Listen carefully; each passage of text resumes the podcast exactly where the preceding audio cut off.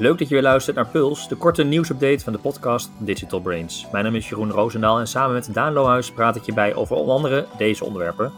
Instagram geeft Reels een prominente positie, eh, maar moeten we nu allemaal meedoen in dit TikTok-achtige format? Google maakt chatten met klanten via Google My Business account makkelijker, direct via Google Maps of zelfs via de zoekresultaten. En waar komen toch ineens al die slechte reviews voor geurkaarsen vandaan? Hoe dat zit, dat hoor je allemaal uh, zometeen, gedaan. Daar gaan we het uitgebreid over hebben. Maar we beginnen eerst met uh, Google, want die hebben een core update aangekondigd. Uh, en het is best wel een grote, want die lijkt wereldwijd voor grote veranderingen te gaan zorgen. Althans, in ieder geval zal die veranderingen gaan brengen in de SEO-rankings. Uh, hoewel, hè, ze hebben aangekondigd, hij wordt uitgerold, daar gaat tijd overheen. En dat betekent ook eigenlijk dat bij dit nieuws ook niet heel veel al te zeggen is over wat de impact zal zijn van deze update. Want dat geeft Google dan weer niet aan, hè? dat moet de community zelf gaan ontdekken.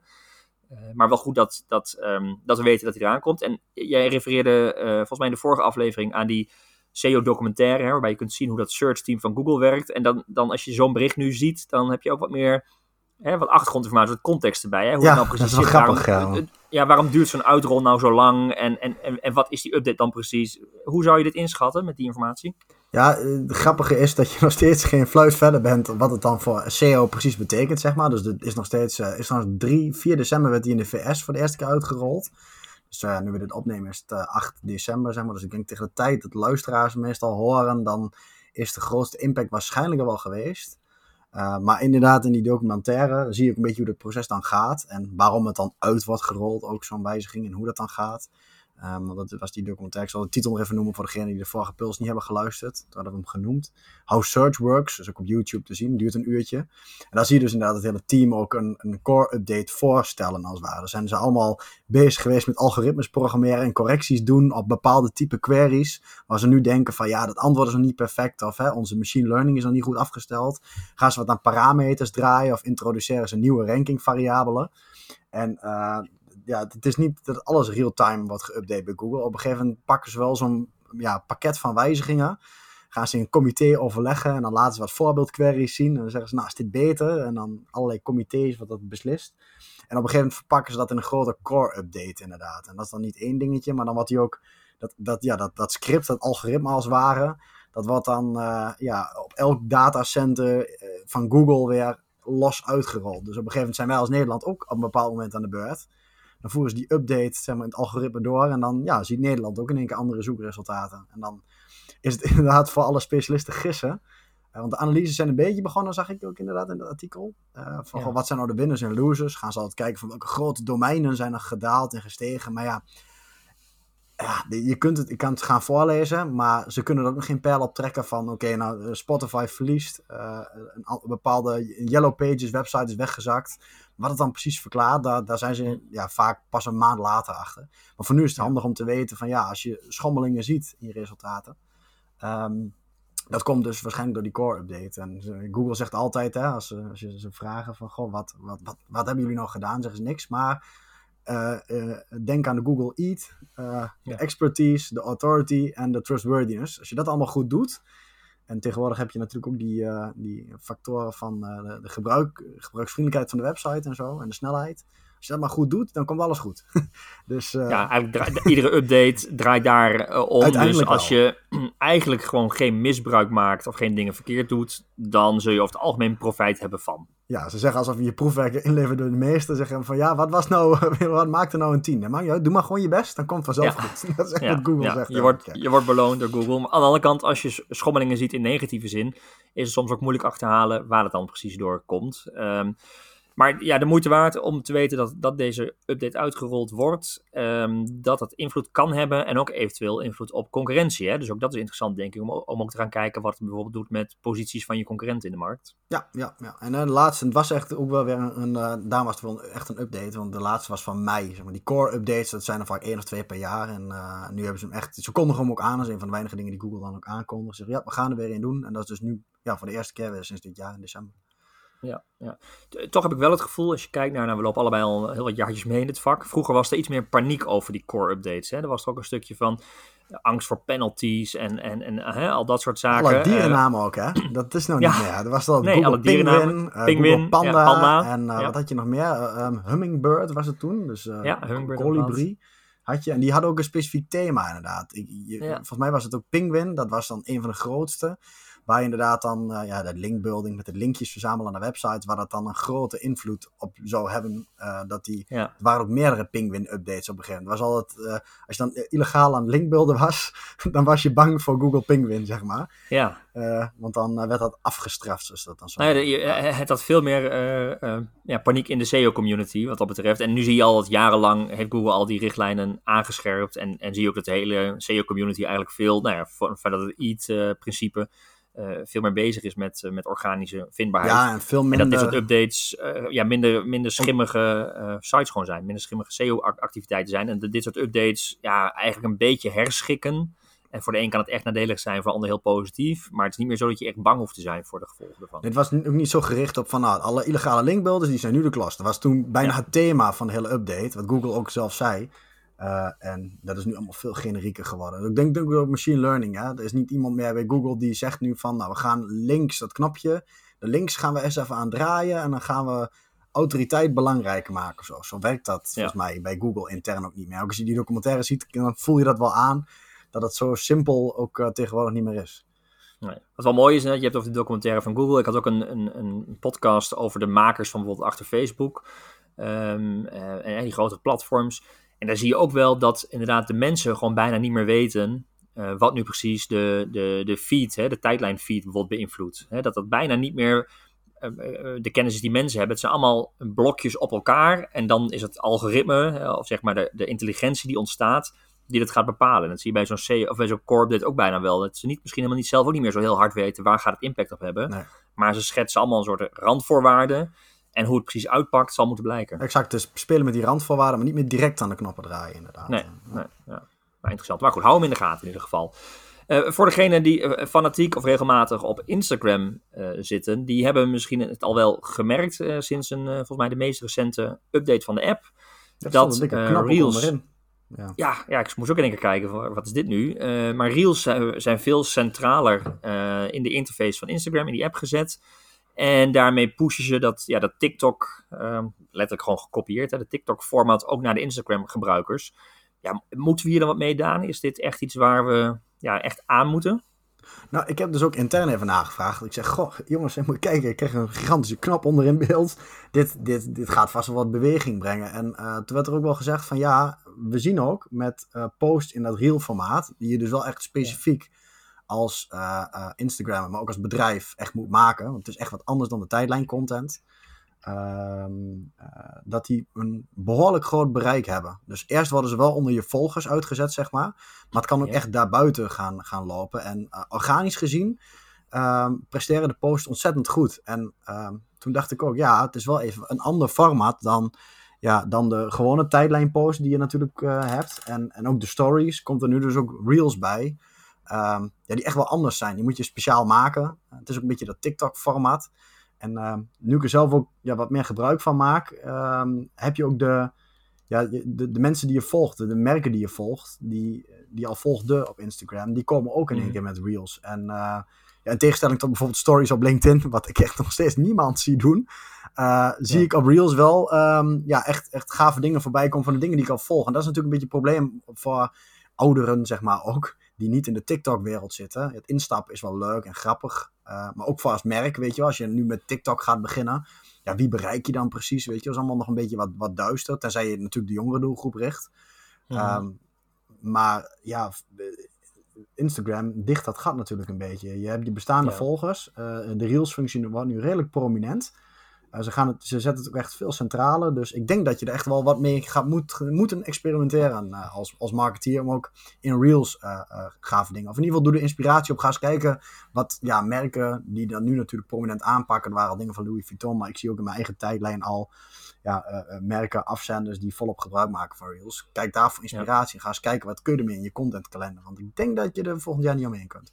Nee, het zijn uh, korte filmpjes, hè, 15 seconden. En die kun je vrij makkelijk met dat reels maken, hè, met een paar eenvoudige kliks. En vervolgens kun je ook gaan bepalen met wie je ze wil delen. Dat kan dus zijn een select groepje vrienden of bekenden. Uh, maar ook bijvoorbeeld breder, echt met het grote publiek. En dan kan zo'n video, wat jij al zei, zomaar viraal gaan. Hè? Dus je kunt ook zelf een beetje daarmee mee spelen en experimenteren. Ehm, en je, wat jij noemt is, omdat hij dus nu zo centraal staat, en je ziet ook al heel snel dat het opgepakt wordt door de gebruikers, ja, is dit wel iets wat in de contentkalender van 2021 terug zal moeten gaan komen. in ieder geval mee te experimenteren en later het jaar te gaan bepalen van wil je dit als merk, als bedrijf ook echt structureel gaan inzetten. Ja, ja, zeker mee experimenteren. Wat je gewoon ziet inderdaad, organisch bereik is sowieso natuurlijk steeds moeilijker. Uh, en ja, daar werkt het gewoon nog. En uh, ja, ik zou zeggen, wat er goed in voordat het betaald wordt. Want dan, uh, ja, dan, dan is toch al, wordt het spelletje weer moeilijker. Dus nu kun je nog mooie dingen daarmee gaan bereiken. En, en, en weer een set van Facebook om toch TikTok weer wat op afstand te krijgen, hè?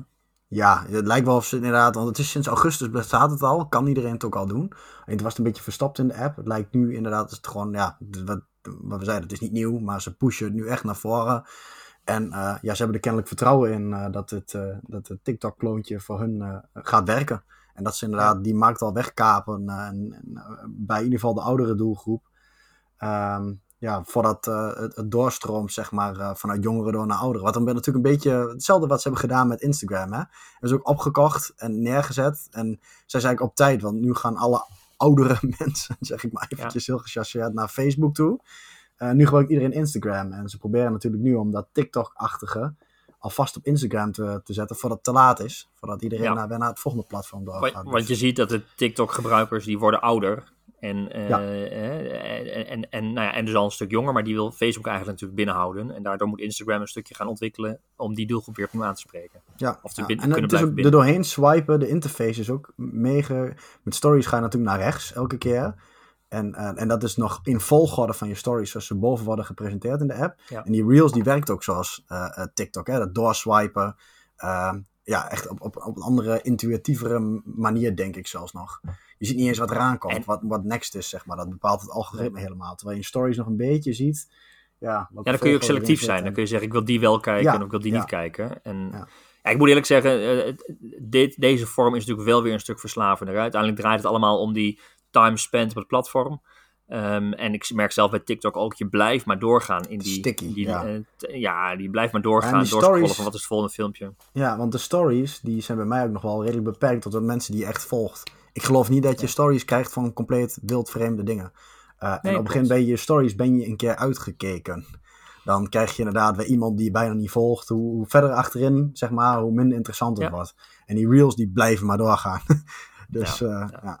En dat kan ook buiten je vriendengroep zijn. Dus, dus het blijft ook heel erg interessant om, uh, om nieuwe dingen te zien. Dus ik denk dat het een hele mooie feature is dat Instagram daar uh, wel slim aan gedaan heeft. Om het nu weer prominenter te maken. Uh, niet alleen te bekijken, maar ook om zelf aan deel te nemen.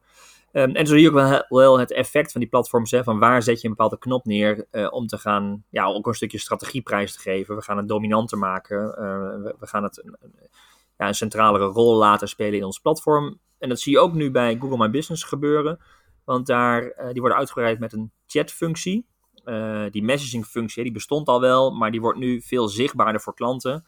Um, en daarmee uh, ja, zet Google ook daarin een stap hè, vanuit Google My Business, de, de zakelijke ja, bedrijfspagina eigenlijk in je Google, in Google resultaten. om hè, nog, een, nog weer een stap in makkelijker contact opnemen met een bedrijf als consument. denk je echt dat die chat, hè, want die My Business pagina's die zijn nou, eh, leuk, mooi, maar ook wel redelijk beperkt. Hè? Vaak heel makkelijk om even een telefoonnummer te zoeken of even het adres te zoeken. Denk je echt dat het gebruikt gaat worden als een communicatiekanaal?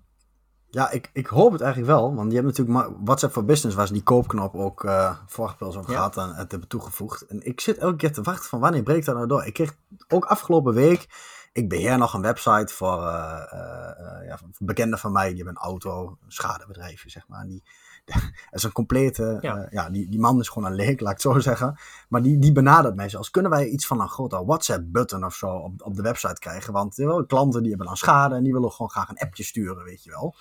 Ja. Dat ik denk, dat daar komt de vraag al vandaan. Dat zijn gewoon de, helemaal technisch mensen die... Totaal niet digital. Nee, ja. maar die denken gewoon, ja, even uh, berichtje sturen naar een, een bedrijf, weet je wel. In plaats van een mailtje of, of te bellen, weet je. Dus ik, ik zit al elke keer te kijken naar dat gat en hoe dat gevuld gaat worden. En WhatsApp voor business is er natuurlijk één. hoewel het nog technisch natuurlijk, uh, ja, ik zie zo'n bedrijfje dat nog niet aanvragen, zeg maar, WhatsApp voor Business. Hoewel ze bijna bereid zijn om gewoon een telefoonnummer van iemand privé daar maar op te zetten, zodat ze ja, dat zie je wel vaak, hè? Ja. We kopen een toestel en een nieuw nummer en we zetten gewoon een nummer, WhatsApp-nummer erop bijvoorbeeld. Alleen praktisch gezien is dat natuurlijk heel rot, want de, je, je, hebt geen afwezigheidsmelding, je hebt niet een, zoiets als een antwoordapparaat en wie beheert die telefoon dan, dus ja, daar moet iets in gebeuren. En ah, wat Google My Business nu doet, lijkt daar een beetje op. Want uh, daar kun je dus aan, ook je mobiele nummer en dan gaat het over uh, de sms heen, zeg maar, denk ik. Ik heb het zelf nog niet geprobeerd. Hm. Um, maar ja, dan kun je natuurlijk um, uh, ja, ook het gesprek aangaan op die manier, zonder dat je WhatsApp nodig hebt. En dan wordt het ja. echt gewoon een button. Dan maken ze voor de klant in ieder geval heel makkelijk, de eindklant bedoel ik dan. want je kunt inderdaad gewoon een berichtje sturen vanuit je Google-account. Rechtstreeks vanuit Google Maps kun je gewoon een, een, een vraag stellen aan het bedrijf vanuit de Google Maps interface. En dat was er nog niet. Ook niet via die kaartjes. Het is nu nog een beetje verstapt achter de update. En het is iets wat je als bedrijf even moet instellen. Maar mhm. ik heb het gevoel dat dit een soort van voorstap is naar dat je echt gewoon ja, googelt op een bedrijfnaam. En dat je dan dat bedrijf een bericht kan sturen via Google. Ja. Wat ook heel logisch is, hè? want we bellen gewoon minder. Uh, je wil niet altijd de website hoeven bezoeken. Je kunt dan veel meer vanuit ook het platform Google zelf contact opnemen met het bedrijf. En vanaf daar je, je journey met de klant of met het bedrijf beginnen. En als bedrijf met je klant dus. Ja, dan hoef je niet een e-mailtje te gaan sturen of een contactformulier in te vullen. Zeg maar dat, dat chatten, je ziet het sowieso dat, dat chat gewoon ook als uh, chatbots op websites, dat enorm goed werkt. Ja, um, ja en ik, ik, ben benieuwd wat, wat dit gaat doen. Want het is iets wat, uh, wat je even moet, uh, moet, moet aanmaken. Dus dan kun je trouwens in je Google My Business account uh, wat de meeste bedrijven wel hebben. En als je dat niet hebt, maak het nu direct aan. Want dan zet je, je openingstijden en hè, uh, uh, foto's van je bedrijf, welke categorie behoort. Dat bepaalt gewoon wat Google laat zien als je jouw bedrijf aan googelen. Dus dat is sowieso een no-go. Of een no-brainer om, om dat te doen. Maar in je, um, in je Google My Business account zit er al langer zo'n kaartje, dat heet dan messaging. en daar kun je dan een telefoonnummer verifiëren. En als je dat mm -hmm. invult, dan enable je, of ja, in het Engels, dan zet je die functie aan. en dan kun je dus ook uh, chats gaan ontvangen. Dus ik zou zeggen, uh, kleine moeite. Wie weet, het, het, ze gaan de prominenten maken, dan ja, ben je ook op die manier voor klanten bereikbaar. Ja, wel met die toevoeging dat je ook daarmee ziet dat alles naar een soort instant communicatie gaat. En dat de klant ook verwacht dat hij bijna instant antwoord krijgt als hij een sms'je stuurt of een WhatsAppje stuurt. Hè, bijvoorbeeld. Dus je moet ook wel nadenken over je bereikbaarheid en je responstijd. Want hè, wat je zegt, we vinden het nu al moeite eh, om een e-mail te sturen. We vinden het al moeite om naar de website te gaan. We vinden het al een moeite om te gaan bellen. Dus dat berichtje sturen en ja, bijna in die chat terechtkomen die bijna real-time is. Ja, dat wordt wel weer uh, uh, een hogere klantverwachting die je wel weer steeds moet kunnen waarmaken als bedrijf. Ja, ja dat klopt. En ze, ze stellen ook responstijden, zijn ze ook al aan het bijhouden daarvan, hè, van bedrijven. Ja. Dus als je een hele slechte responstijd hebt, dan gaan ze dat waarschijnlijk, gaat Google dat ook niet voor je aanbieden. Ja, dat zie je bij Facebook ook, hè? Bij Facebook Messenger geven ze ook aan, reageert vaak binnen eh, zoveel tijd, hè? Op basis van de data. Die dat doen ze al langer inderdaad, de Facebook-pagina's ook. Maar daar, oh, dat is ook zo'n voorbeeld, daar werkt het ook al heel lang. Ik weet al dat uh, de meeste bedrijven die op Facebook Messenger echt wat doen, zeg maar, bezig zijn, dat die heel veel business binnenhalen. Als, als, als je echt een, een bedrijfje hebt, zoals een, een, een, een een, een beauty salon of een fotograaf ja, of die, die of webshops die ook wat echt op Facebook actief doen, dat, die, uh, dat daar een hele doelgroep zit die echt actief gebruik maakt van Facebook Messenger. En dat er gewoon heel veel gebeurt. Ik, ik ken het voorbeeld, is heel dichtbij dan, maar uh, mijn vrouw Elke, die doet het nu niet meer, maar die deed al dat, dat dragen, zeg maar, uh, van, van kinderen, die draagdoeken knopen. Die gaf er wat mm -hmm. advies erin, hoe knoop je zo'n ding in elkaar, dat is best lastig.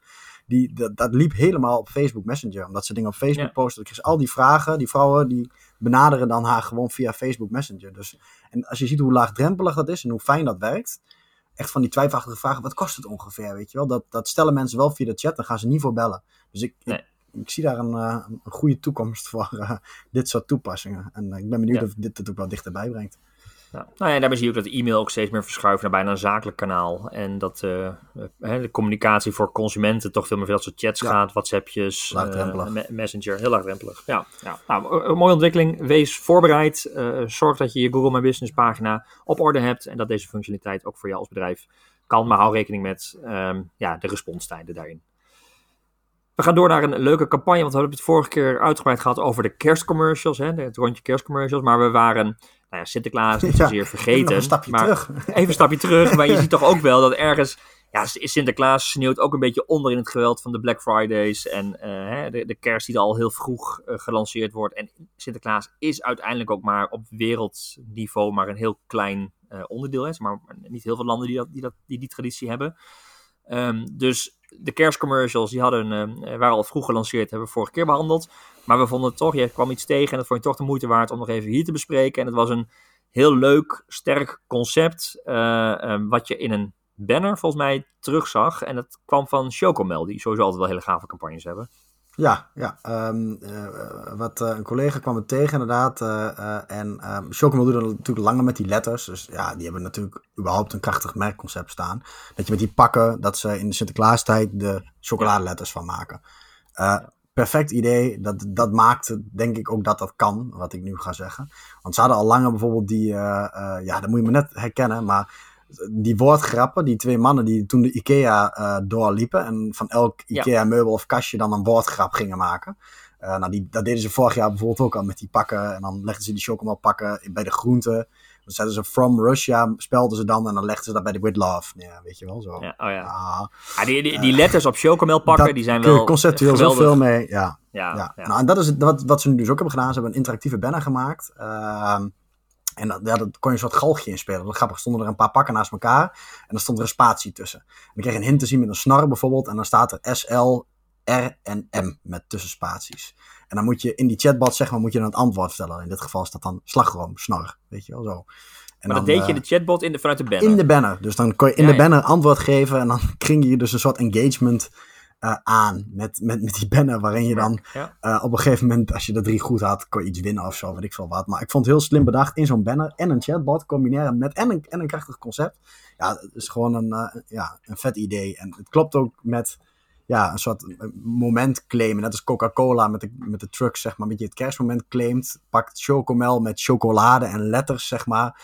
En, en, en, en ook weer de woorden, die zijn dan ook uh, slagroom, snor, weet je wel. Past ook weer bij het merk om een beetje dat uh, chocomel gevoel en Sinterklaas te claimen. Dus uh, hm. dat is echt mooi gedaan. En, en, en, dat het kan met banners en met die chatbot technologie. En dat je dus eigenlijk uit je displaycampagnes ook veel meer engagement kunt halen om dit toe te voegen. Dat is denk ik ook los van deze campagne, maar dit is een mooi voorbeeld om te zien hoe dat kan werken. En ook weer om ja, door geïnspireerd te raken als marketeer of als creatieve. Om te kijken hoe je dat in een andere vorm in je eigen campagnes voor je eigen merk in kan zetten. Hè? Want deze technologie kan dus, eh, het is mogelijk. Uh, Chocomel heeft dat mooi vormgegeven, maar kijk ook goed wat je er zelf mee zou kunnen doen. Ja, en het idee van interactie met banners, dat het ook leuk mag zijn en grappig. Niet alleen maar irritante herhalende banners, maar iets waar, ja, waar ze eigenlijk een grapje in uithalen. Een beetje, een beetje humor, waar, waar een banner ook nog leuk wordt. Uh, voor de doelgroep. En uh, ik denk dat je heel mooi die engagement rates ook hebt om ook het resultaat van zo'n banner te bekijken. Normaal is het alleen maar, ja, de banner is zo vaak gezien, maar nu kun je ook zeggen, mensen, kijk, dit is de brand impact, want zoveel mensen hebben die letters ingevuld. En dan kun je echt als marketeer natuurlijk wel zeggen van, hey, dit, dit heeft impact. Ja, en dan kan ik me voorstellen dat je luistert en dat je denkt van ja, hartstikke leuk, maar Sinterklaas is voorbij, dus ik kan het niet meer zien. Nou ja, gelukkig hadden wij een collega die er even een filmpje van gemaakt heeft, hoe het precies werkt. Uh, en die gaan we in de show notes toevoegen. Dus dan, dan, kun je even kijken hoe dat uh, precies werkt. Uh, want daarmee hebben we het in ieder geval vastgelegd ja. om van te leren. We komen bijna toe aan de geurkaarsen, de teaser van deze aflevering. Want wat hebben geurkaarsen en digital nou precies met elkaar uh, van doen. maar eerst nog even een feitje over Black Friday. jij kwam hem ergens tegengedaan. ik had hem helemaal gemist. Maar het blijkt dat ongeveer 70% van de Black Friday aankopen via mobiel is gegaan. Ja, dat is heel veel. Uh, data van Shopify, uh, het platform waar we het langer over hebben gehad. Hè, de, de soort van grote Amazon-concurrent, uh, maar dan eigenlijk voor webwinkels. Gewoon een platform, een verkoopplatform is het eigenlijk. Uh, en uh, 70% van die aankoop waren dus mobiel. En even ten opzichte van de benchmark, ik heb even dus de data erbij gepakt, want 70% dat klinkt natuurlijk ook veel, maar vroeg ik me ook hardop af, is het ook veel? Als je kijkt naar mhm. algemene statistieken, zit het vaak 45, 50% mobile in 2020. Als je kijkt naar aankopen en orders. Wat natuurlijk al continu toeneemt. Maar ik vond het wel verrassend ook om te zien, en niet geheel onverwacht, maar dat Black Friday echt gewoon 70% via mobiel is. En uh, dat is echt veel. En ik vraag me ook af waar dat komt dat. Zijn Black Friday vooral de impuls aankopen? Of is het juist de, misschien de demografie die van Black Friday gebruik maakt? Dat die nog meer mobile first zijn, zeg maar. De mensen die ook ja. een beetje in die Black Friday, dat, dat omveld, dat het een beetje mensen zijn die sowieso erg online georiënteerd zijn. Ehm, maar ja, het, het, het, het, toont echt wel een trend. En ik vraag me af inderdaad waar, ja, wat dan nog nu die 30% op desktop is. Omdat, is dat omdat mensen de laptop hebben of omdat ze toch misschien ja, bepaalde shops net wat fijner werken? Of dat het nu echt zo wordt dat al die Black Friday webshops misschien ook zelfs via de telefoon nog makkelijker zijn om te bestellen. Omdat ja, je hebt Ideal erop staan. Dat is de reden waarom ik altijd mijn telefoon pak en niet eens desktop. Dat ik denk, ja, moet je helemaal weer met QR-codes gaan scannen en gedoe. En uh, weet je, je hebt ook de mail er minder snel bij. Dat ik ook echt denk van, ja, mijn voorkeursapparaat is zelfs mobiel. Ja, ja. Nee, maar ik, ik denk ook inderdaad dat, uh, uh, dat de doelgroep enerzijds, die heel erg gevoelig is voor Black Friday, dat die uh, veel mobiel zal zijn. Maar ook denk ik zeker dat gewoon dat hele device verder toeneemt. En dat we volgend jaar misschien nog wel een veel hogere resultaat gaan zien. Ja, ja, ik vond echt opvallend dat het zo, dat, ja, die doorbraken, het groeit dus gewoon nog verder. Het houdt niet op bij de helft. Um, als je dus naar Black Friday kijkt, gaat het gewoon dwars over, ja, dwars eroverheen. En iedereen is ja. natuurlijk al mobile first aan het ontwikkelen en zo. Maar het is maar even een nadruk van het eind is nog niet in zicht. Het groeit gewoon nog, nog verder. Nog sneller. Uh, laptop, desktop, voor consumenten zeker, wat gewoon nog, nog minder. En dat gaat gewoon door. Ik realiseer me in één keer dat we nog een, we hadden nog een weddenschap lopen over het nieuwe record voor Alibaba. Volgens mij op Singles Day. Maar uh, hoeveel ze binnen één minuut zouden gaan halen. Oh ja. Ik heb helemaal niks meer over gelezen. Ik weet helemaal niet. Uh, ik zie wel dat er een recordbedrag is geweest van bijna 65 miljard euro uh, aan wat er verkocht is op Singles Day. Maar wat nou in die minuut is geweest, ik zou bijna zeggen het record is niet verbroken. Anders was het natuurlijk groot uitgelegd. Er is wel een nieuw totaalrecord, maar Oké, okay, nou dan pakken we die de volgende er even bij. Gaan we even uitzoeken. Zet hem op, de, op de lijst. ja, gaan we even induiken of we dat ja. nog ergens terug kunnen vinden. Maar nu de geurkaarsen, dan, vertel. De geurkaarsen, de geurkaarsen. Ja, ik kwam een uh, tweet tegen en ik vond hem wel echt geniaal. Uh, de kracht van uh, big data uiteindelijk ook ergens. maar wel op een hele leuke manier. en ook de vraag is of het een echt een kausaal verband is. Maar als je alle data op een hoop gooit, met name dan de data ook van de coronabesmetting, want daar heeft het mee te maken, dan zie je dus een, een trend dat er meer negatieve reviews uh, ontstonden op het moment dat corona uitbrak. En die negatieve reviews kwamen dus op geurkaarsen, in de zin van ze ruiken niet. Uh, er zit geen geur aan, de geur is niet goed. En, en, en dus als je dat allemaal op elkaar plot ziet, inderdaad, er zijn meer negatieve reviews. En op dat moment kwam corona en een van de veel voorkomende klachten bij corona is dat je reukvermogen dus uh, achteruit gaat. Of dat je zelfs even helemaal niks ruikt. Uh, ja, absurd dat dat inderdaad ja, ze hebben het ook zo netjes ook gewoon ge, uh, ja, dat is geen AB-test, maar gebenchmarkt met de unscented candles. Dus ze hebben inderdaad de, de, in de normale kaarsen gaan de reviews niet achteruit en bij de geurkaarsen mm, zie je inderdaad zo'n bergafwaartse trend gaan uh, van de coronapandemie. Grappig. Ja, en eigenlijk de conclusie, je zou kunnen zeggen dat uh, als we de reviews op geurkaarsen blijven monitoren, dan weten we hoe het uh, met corona gaat. Een onverwacht slachtoffer van de pandemie, zeggen we wel. Ja, misschien moet die toegevoegd worden aan het dashboard van de overheid. Uh, hoe is het sentiment rondom geurkaarsen? ja, dan weten we een beetje Belangrijke van, indicator. Actie, belangrijke ja. indicator voor actie op corona. Nou, ben je benieuwd naar die data en die statistieken die daarbij horen? Zit je zelf in de geurkaarsenbusiness? Dan zit je zelf ja. in de geurkaarsenbusiness en denk je, hoe kan het nou toch in één keer dat we toen zoveel negatieve reviews hadden? Dit is het antwoord. En we gaan de link naar dit, ja, die Twitter-conversatie in de show notes zetten. Zodat je dat zelf allemaal even kunt bekijken en bestuderen. Het is in ieder geval een, een leuk ja, fun factje wat hier naar boven kwam. Dat was hem voor deze aflevering. Zoals ik al zei, de show notes, daar vind je um, ja, eigenlijk alle artikelen en informatie die we besproken hebben. De bronnen, verdere informatie als je er meer over wilt weten. En die vind je op advice.nl slash podcast. En heb je tips, vragen, reacties of ideeën, laat het dan weten via podcast.advice.nl. En wil je ook geen nieuwe afleveringen missen? Abonneer je dan op deze podcast in je favoriete podcast-app of via Spotify of YouTube. Voor nu weer bedankt voor het luisteren en heel graag tot de volgende aflevering.